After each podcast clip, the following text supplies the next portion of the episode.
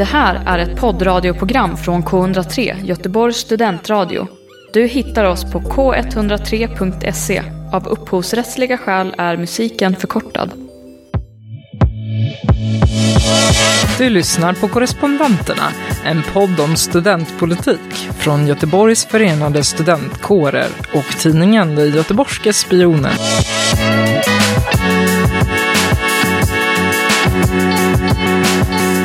Hej och välkommen till dagens avsnitt av Korrespondenterna. Idag ska vi lära oss mer om doktoranders situation. Hur ser arbetsvillkoren ut och hur är det att komma till Sverige som doktorand från ett tredje land efter att den svenska migrationslagstiftningen ändrades 2021 och kraven för att få permanent uppehållstillstånd skärptes.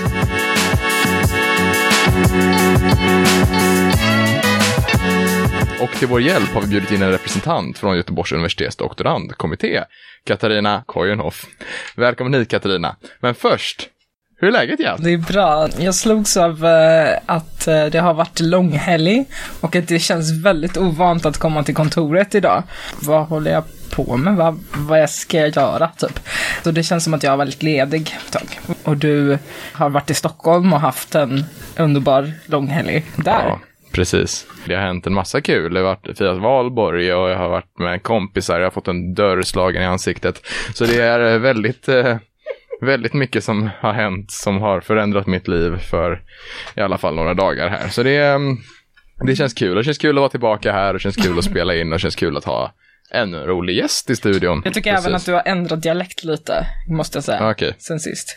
Vad, vad, vad pratar jag nu då? Nej, jag vet inte. Nu var det som att du ändrade igen. Men förut när jag kom så var det som att du typ blandade någon slags Stockholms... Nej, jag vet inte. Nej, det var, det var verkligen, det var annorlunda. Ja. ja. Men det var, det var uppfriskande ja. också. Ja. Vad tycker ni jag har för dialekt? Skicka gärna in ett sms till eh, oss eller något liknande. Så får vi se den här intressanta diskussionen. Men nu ska vi inte låta det här dröja längre. Vi ska välkomna hit Katarina på riktigt. Welcome Katarina. We're switching to English. Thank you. Since you're an international PhD student. How are you? I'm well. I'm in uh, the throes of the last month before finishing my PhD. So it's uh, ups and downs, but um, happy about the sunny weather today. I can't really imagine how that uh, feels. I, I just know how it felt to write like a bachelor thesis, and, and that was awful enough. And uh, how. yeah, it's it's been quite intense, but it's um actually made me realize that I do that I do like writing, but it's it's very satisfying seeing the the finished book and holding it in your hands. Has made a big difference. Congratulations. Thank you. But you're here because you're also the vice chair of GUDK. What is that? So GUDK is the doctoral committee of the University of Gothenburg. So we represent all doctoral students at the University of Gothenburg and we have, um, we usually have a chair, a vice chair, a secretary that keeps minutes. So we know what we've been talking about and we have representatives from every faculty so that we can find out what's going on across the university. And then also some representatives that sit in different boards, like the board for third cycle education. So whenever we have something we need to bring up, we can uh, bring it up with them. But you also work with um, the SFS, uh, which is the National Board for Students Politics. You are the chair of the Doctoral Student Council of the Faculty Science. Exactly. So I, am chair of uh, what we call NDR, so the Doctoral Student Council at the Faculty of Science, because I clearly love being involved in uh, doctoral student politics. And yeah, I'm also in um, the doctoral committee of SFS, so that's like spanning all student unions across Sweden.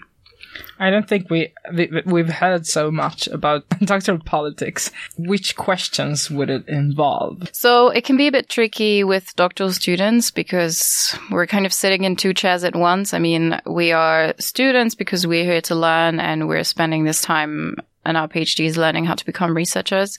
But at the same time, we're also employed by the university during our PhD. So we also employees. So we fulfill both roles, which means we have obligations from both roles, but can also be, be uh, represented in, in both ways.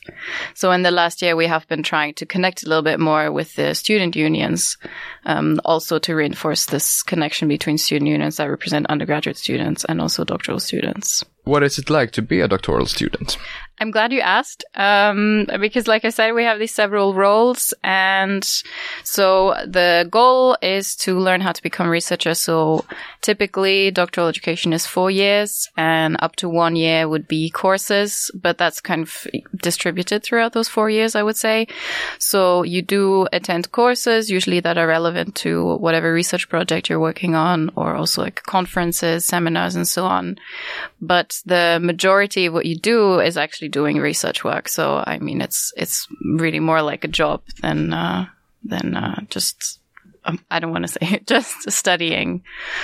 Yeah. And Sweden is also a, a popular country in that matter because, um, as you say, you get it's like a job, and you also get paid like a regular um, worker here. Exactly. Yeah, it's very common in Sweden to actually be employed by the university when you're a doctoral student, which of course comes with uh, with a lot of advantages. And it's, I mean, it's definitely something we we really like and really want to keep. But of course, we can we can always do better. So that's why we're here. How would a normal day uh, as a doctoral student uh, look like? I can you describe it? So um, I'm in the I'm in the sciences. So I think it's. it's um, a lot of us work in labs, but I think even those who in, in other fields who don't work in labs, maybe in libraries, um, or do different kinds of research. But sometime in the morning, you would come to your office or to your lab, and then like just speaking from my own perspective, maybe set up some experiments.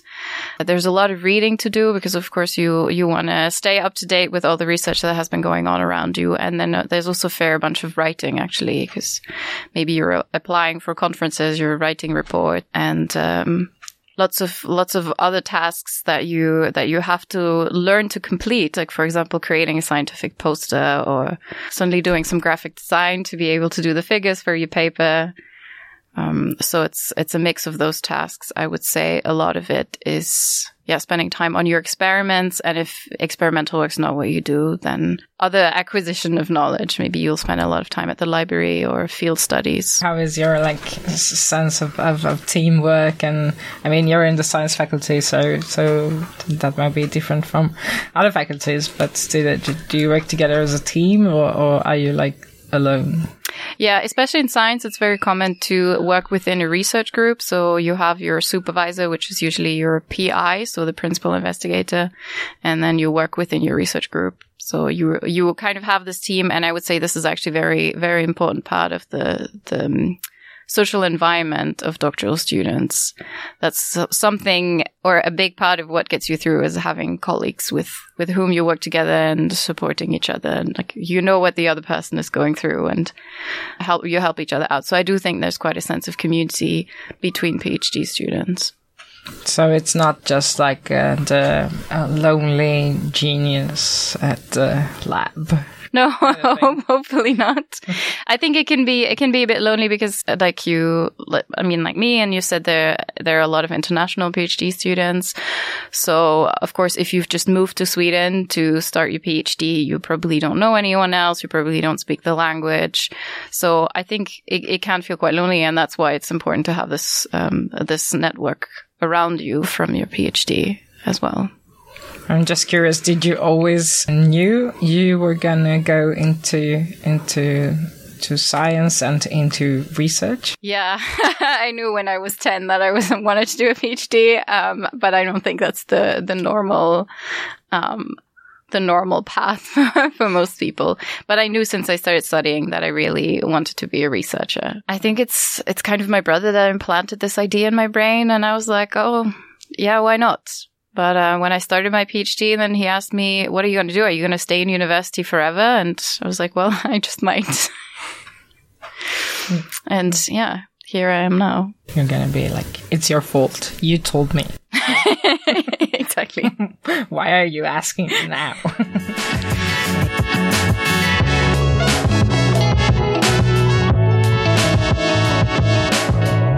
What would you say is the biggest difference in uh, living as a doctoral student versus like a bachelor student or a master student? Um, what's the biggest thing that uh, differs from the lifestyle. I do feel like you you definitely have less time because you're working uh, at least forty hours a week. I mean, it's quite common for doctoral students to also be be working more than that, uh, even though usually your schedule is still quite flexible.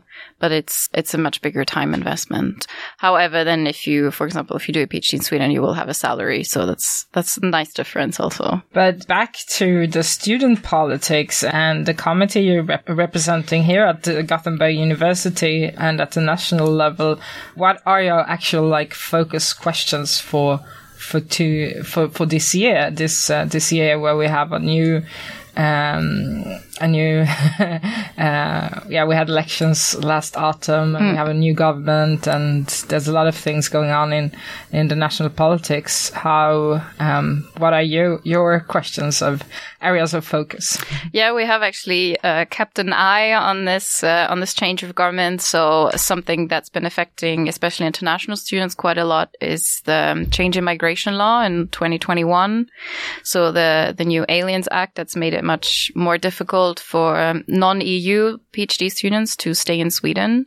Um, after they complete their PhD, so that's something that w- has really been uh, like on on our uh, on our radar. So it was the previous government that had uh, changed this migration law, and then this this general change ended up also affecting PhD students because it previously it was possible after um, your, I think it was four or five years. No, I'm not exactly sure. But after completing your PhD here, you would be able to get permanent residence in Sweden.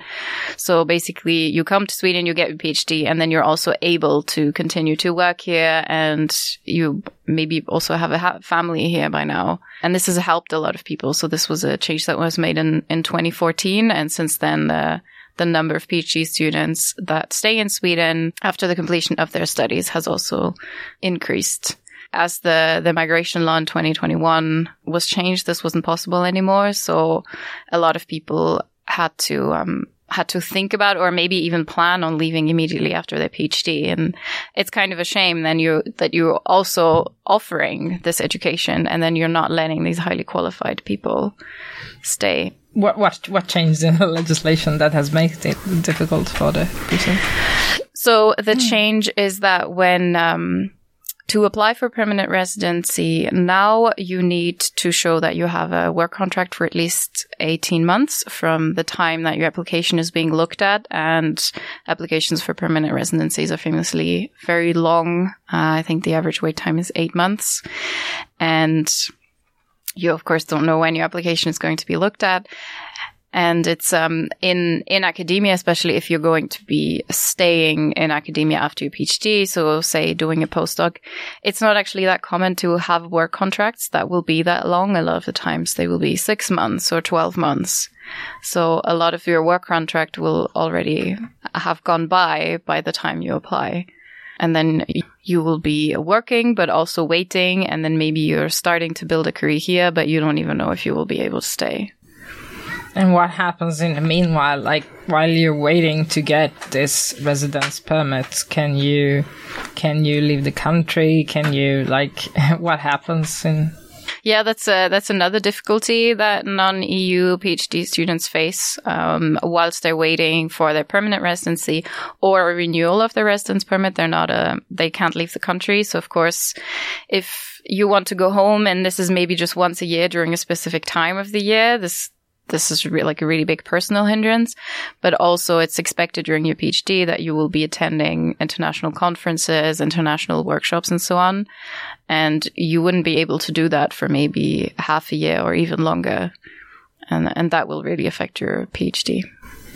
Do you know what the aim was to change this legislation? Like, what, what was the goal? I, I think it, it wasn't even, it was not directed at PhD students or young researchers at all. It's just, it was a, quite a general change and there, there wasn't an exception or made for PhD students and young researchers. So we just kind of also fell into the category. I mean, with the new uh, agreement, it has been promised to, um, that this will change and this will be looked into, but we're still waiting for, for any concrete information on this. What would you like to see changing? What would you like to see from the politicians when it comes to the Aliens Act? Well, the um, change in legislation that had happened in 2014 that was really beneficial and i think it would be fairly simple to just return to this i mean it's it's already existed and it's worked well so far so just yeah let people stay in sweden once they have their phds and we can we can all benefit from it and a lot of a lot of positions are also very specialized so the pool of people from which you can recruit is also not that large.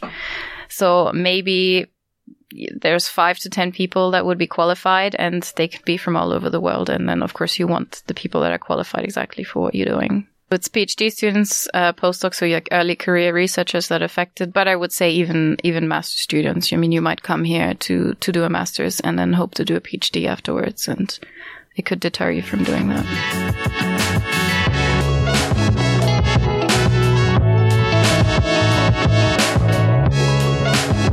the work environment must be quite quite special or quite like stressful and whatever because you're not no one tells you to go home and do less research i imagine yeah that's true um, yeah, the, the PhD is not really known for not being stressful. It is, it's known for, for being quite tough and, and, uh, quite demanding. And, um, I mean, just like, just like everywhere else, we believe that you should have a, a healthy work environment and like be able to have a good balance between, between work and rest. And, um, and in a way that of course wouldn't affect the quality of your research, but then still allow you to have a good, a good quality of life and a, a, good work environment. How does it actually work? Are you part of a union as a PhD student? Because you're a student, but you're also working, so you might yeah, so you could be part of a, of a student union. I mean, um, GUDK, the doctoral committee that we spoke about, is part of uh, GUS, so the um, University of Gothenburg's United Student Unions. So as a student, you can be part of a student union. So for me at Faculty of Science, it's uh, student Studentkår. And as an employee, I can also be part of a trade union that either represents um, academics or teachers in academia or just government employees also so you have something actually uh, representing you. Um, yeah, exactly. Yeah, you could you can have both, and we're also in uh, in conversation with certain trade unions like ST and uh, SULF when it comes to demands that we have uh, around our our contracts or our work environment, so that we can we can be on the same page. What's the most like common thing you talk with the trade unions about? Uh, what is the most concerning condition? So, two big topics that we've been working on in the last uh, year, one and a half years. One is the um, standard vacation. So, this means that any vacation days that you have left over during the year, uh, after having booked all of your all of your vacation, will be allocated to specific weeks in the summer, and you can't change this until after it's gone. Uh, after the, that time has passed. And this is really tricky for PhD students because we don't have um, this very usual employment where you would usually have a lot of time off in the month of July. It really depends. Are you doing experiments? Are you doing field work? Do you have to travel somewhere? And um, that so th- this really affects a lot of PhD students in in the way that it's a lot of bureaucracy attached to it that is uh, that is difficult to deal with, and also that of course you can collect you can correct these vacation days afterwards, but you won't be insured. Is what they've said um, during the, the summer. So if you have to work to do, then uh, it puts you in a bit of a precarious position, especially if, if you're traveling um, for work. So this is something that really doesn't work out for a lot of researchers, and we would like to to be exempt from. Um, and the other one is the is the salary ladder. So you will usually have a, a starting salary as a PhD student, and after 50% of your time or 50% of your progress, uh, which can be determined in one way or another, you will you will get a, a determined raise, and the same after 80%. And there's also a step um, that's that's 100%. So that would be between the time of your thesis defense and the end of your contract. And overall at GU, we have 12 different salary ladders and there are some, there are quite some, some differences both between the steps and also between the faculties.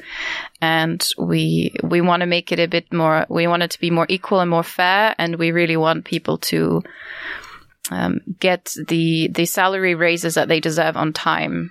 So of course there they have been cases where people have maybe gotten their their 50% raise after 80% of the time or the 80% raise at the end of their PhD and this is of course something we want to avoid. So these are the two big topics we've been discussing with the trade unions. And what happens after PhD? Like, do people usually get employed? Yeah, from uh, from what I know, from what I've from when I've spent a lot of time on what is called SCB, the Central Bureau for Statistics, uh, employment rate after the PhD is uh, is quite high in general. Um, although it's it's very common to have a little bit of a of a break between your PhD and your next position. Um, because you you will need to regroup yourself, um, and then maybe also also figure out where you want to go. I mean, you've been you've been doing a PhD, you've been in academia for a while, and there's there's actually a lot of different things that you can that you can do um, with your PhD.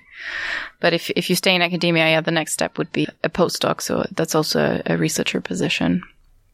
And are you allowed? I mean, um, are you allowed to be part of the the union in terms of like getting uh, unemployment uh, a-kassa? Yes. Uh, yes. Yeah. Okay. Mm. So that would be like Yeah, if you're a PhD to- student and you're listening, please sign up for a-kassa. you will need it for a year before your contract ends. Yeah, that, that that's a good uh, advice. Do you have any other advices to people starting or, or, or um, being in their PhD time studies? Good question. Something that I started doing only halfway through my PhD is writing down how many hours I work. So I think it's yeah, I mean make sure that you have that you try and maintain a balance between between your work and um and your life and like try and clarify expectations as much as you can um between between you and and your supervisor and and what you're going to be doing and achieving. And there are s- some helpful tools out there also. There's like seminars from ST and SULF about finishing on time or planning tools that, that can help you. And of course, you can always get involved being a representative in the, one of the committees. There are committees at every level, department, faculty, university, and national level, and European even, actually. So, do you have like, I mean, because when you uh, are a student, there are a lot of like uh, work fair um, events and like come and see your future employees. Like, what what should you do in terms of of research? Like, how would you network and how um, yeah, how do you get around in that world? So I so one one thing that's actually very common to to do is network at conferences. So that's also why it's it's considered a part of your PhD to to go to a conference. Of course, this has been a lot more difficult now during the, the pandemic. This was one of the reasons PhD students were so were so affected. GU is is part of some uh, some international networks as well. For example, uh, EUTOPIA, where you can I think do some some exchanges, and um, there are occasionally either like faculty, departmental, like networking events where you can meet people who've who've also left academia and have taken on different um, interesting positions. There is actually such an event on the 15th of June, which is um, organized by Chalmers and uh, GU together. So this will focus more on medicine, science, and engineering, where you can you can meet different employers and, and people who've done a PhD and are now um, are now doing something else than being in, being in academia. So you can hear a bit about what else is out there and, uh, and and get to know someone.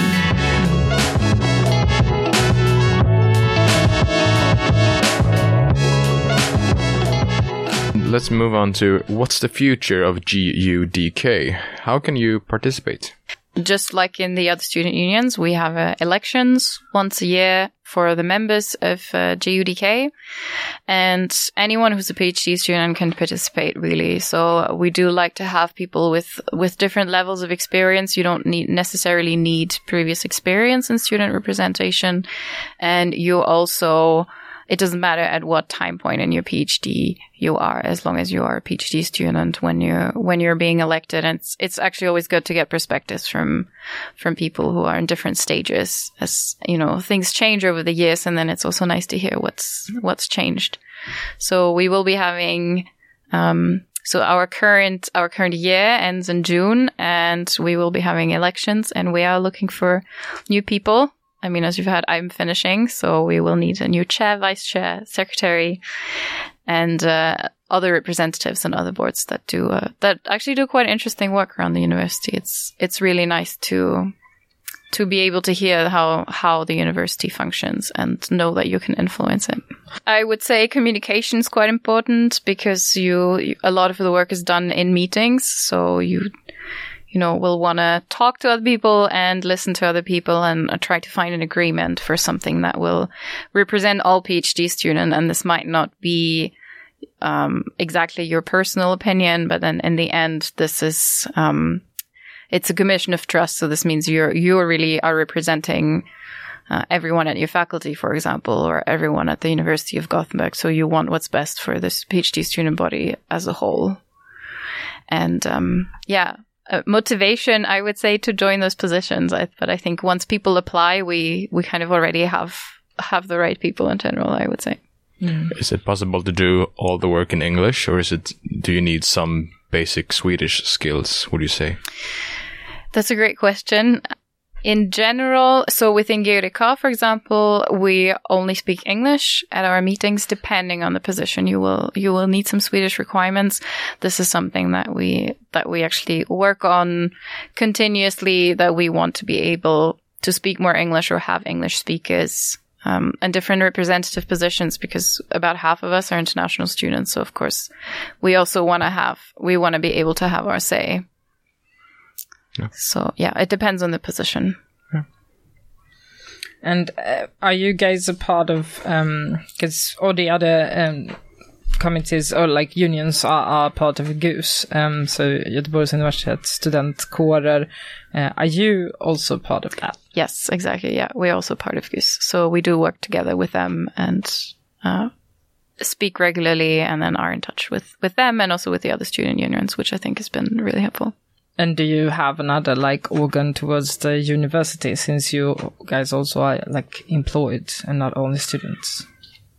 No, I wouldn't say so. I mean, of course, we can turn to to the uh, Arbetsmiljöombud uh, when it comes to work environment questions, like either the central one or the local one. So then it's it's sometimes a bit tricky figuring out does this does this question address a study problem or a work problem or maybe even both and which problems come to you? um, so at GUDK, no one, no individual people really come to us directly. We mostly hear about it from faculties. I would say a lot of the time it can be a problem in that PhD students are investing time and work doing things for the, for the department or for the faculty and not being compensated appropriately or that they just receive tasks that actually fall outside of uh, of what they sh- should be doing. Um, because we've been talking about the Aliens Act and we, we want to collect uh, people's experiences. So then we hear from the faculty representatives, but also from PhD students directly. Mm. Otherwise, it, it, can, I would say it's often work environment issues that, that people have and that they, that they come forward with. And then we try and redirect them to, to somebody who can, who can help them directly because we, the committees can't can't directly do something, we can we can generally um, forward someone to to whomever they need to go to, which mm. could be the, the ombudsman or could be the, the work environment representative. But of course, also it's, it's always really good to know for us what's going on and if there's something we need to address with leadership. You told me you were part of SFS, but we haven't really spoken about it. Like, what what do what does the doctoral committee of SFS do on on a national level? What which questions do you address there? So SFSDK does have a few meetings a year where they speak to doctoral student organizations across Sweden to to collect opinions on on what is going on and what do we think is important to work on. And then within the board of SFS, um, partly it's just uh, reviewing documents, so that's not so exciting. Um, but the so the current chair of SFSDK, uh, Linnea, she's going to be um, part of the development of the new research bill, for example. So now and next year, the new research bill for the years 2025 to 2028 is going to be developed, and we also get to give uh, an input on this. So this is something that we we are discussing at the moment. What what do we think is very important to go in there? So, for example, PhD students being employed and having secure employment and being able to to stay in the country after their PhDs, or also being able to travel during their PhDs. Yeah, that's that's one thing we've been we've been working on. And uh, and a big topic of SFSDK also has been uh, sustainable academia. So this this of course involves um, environmental sustainability, little train travel instead of plane travel, but this also includes again a work environment perspective for it to be to be sustainable and not ideally not have people leave because the work environment is bad, but to stay because they can do research in a in a healthy work environment. Thank you so much, Katarina, for being here for guesting uh, Korrespondenterna. Yeah, thank you for having me.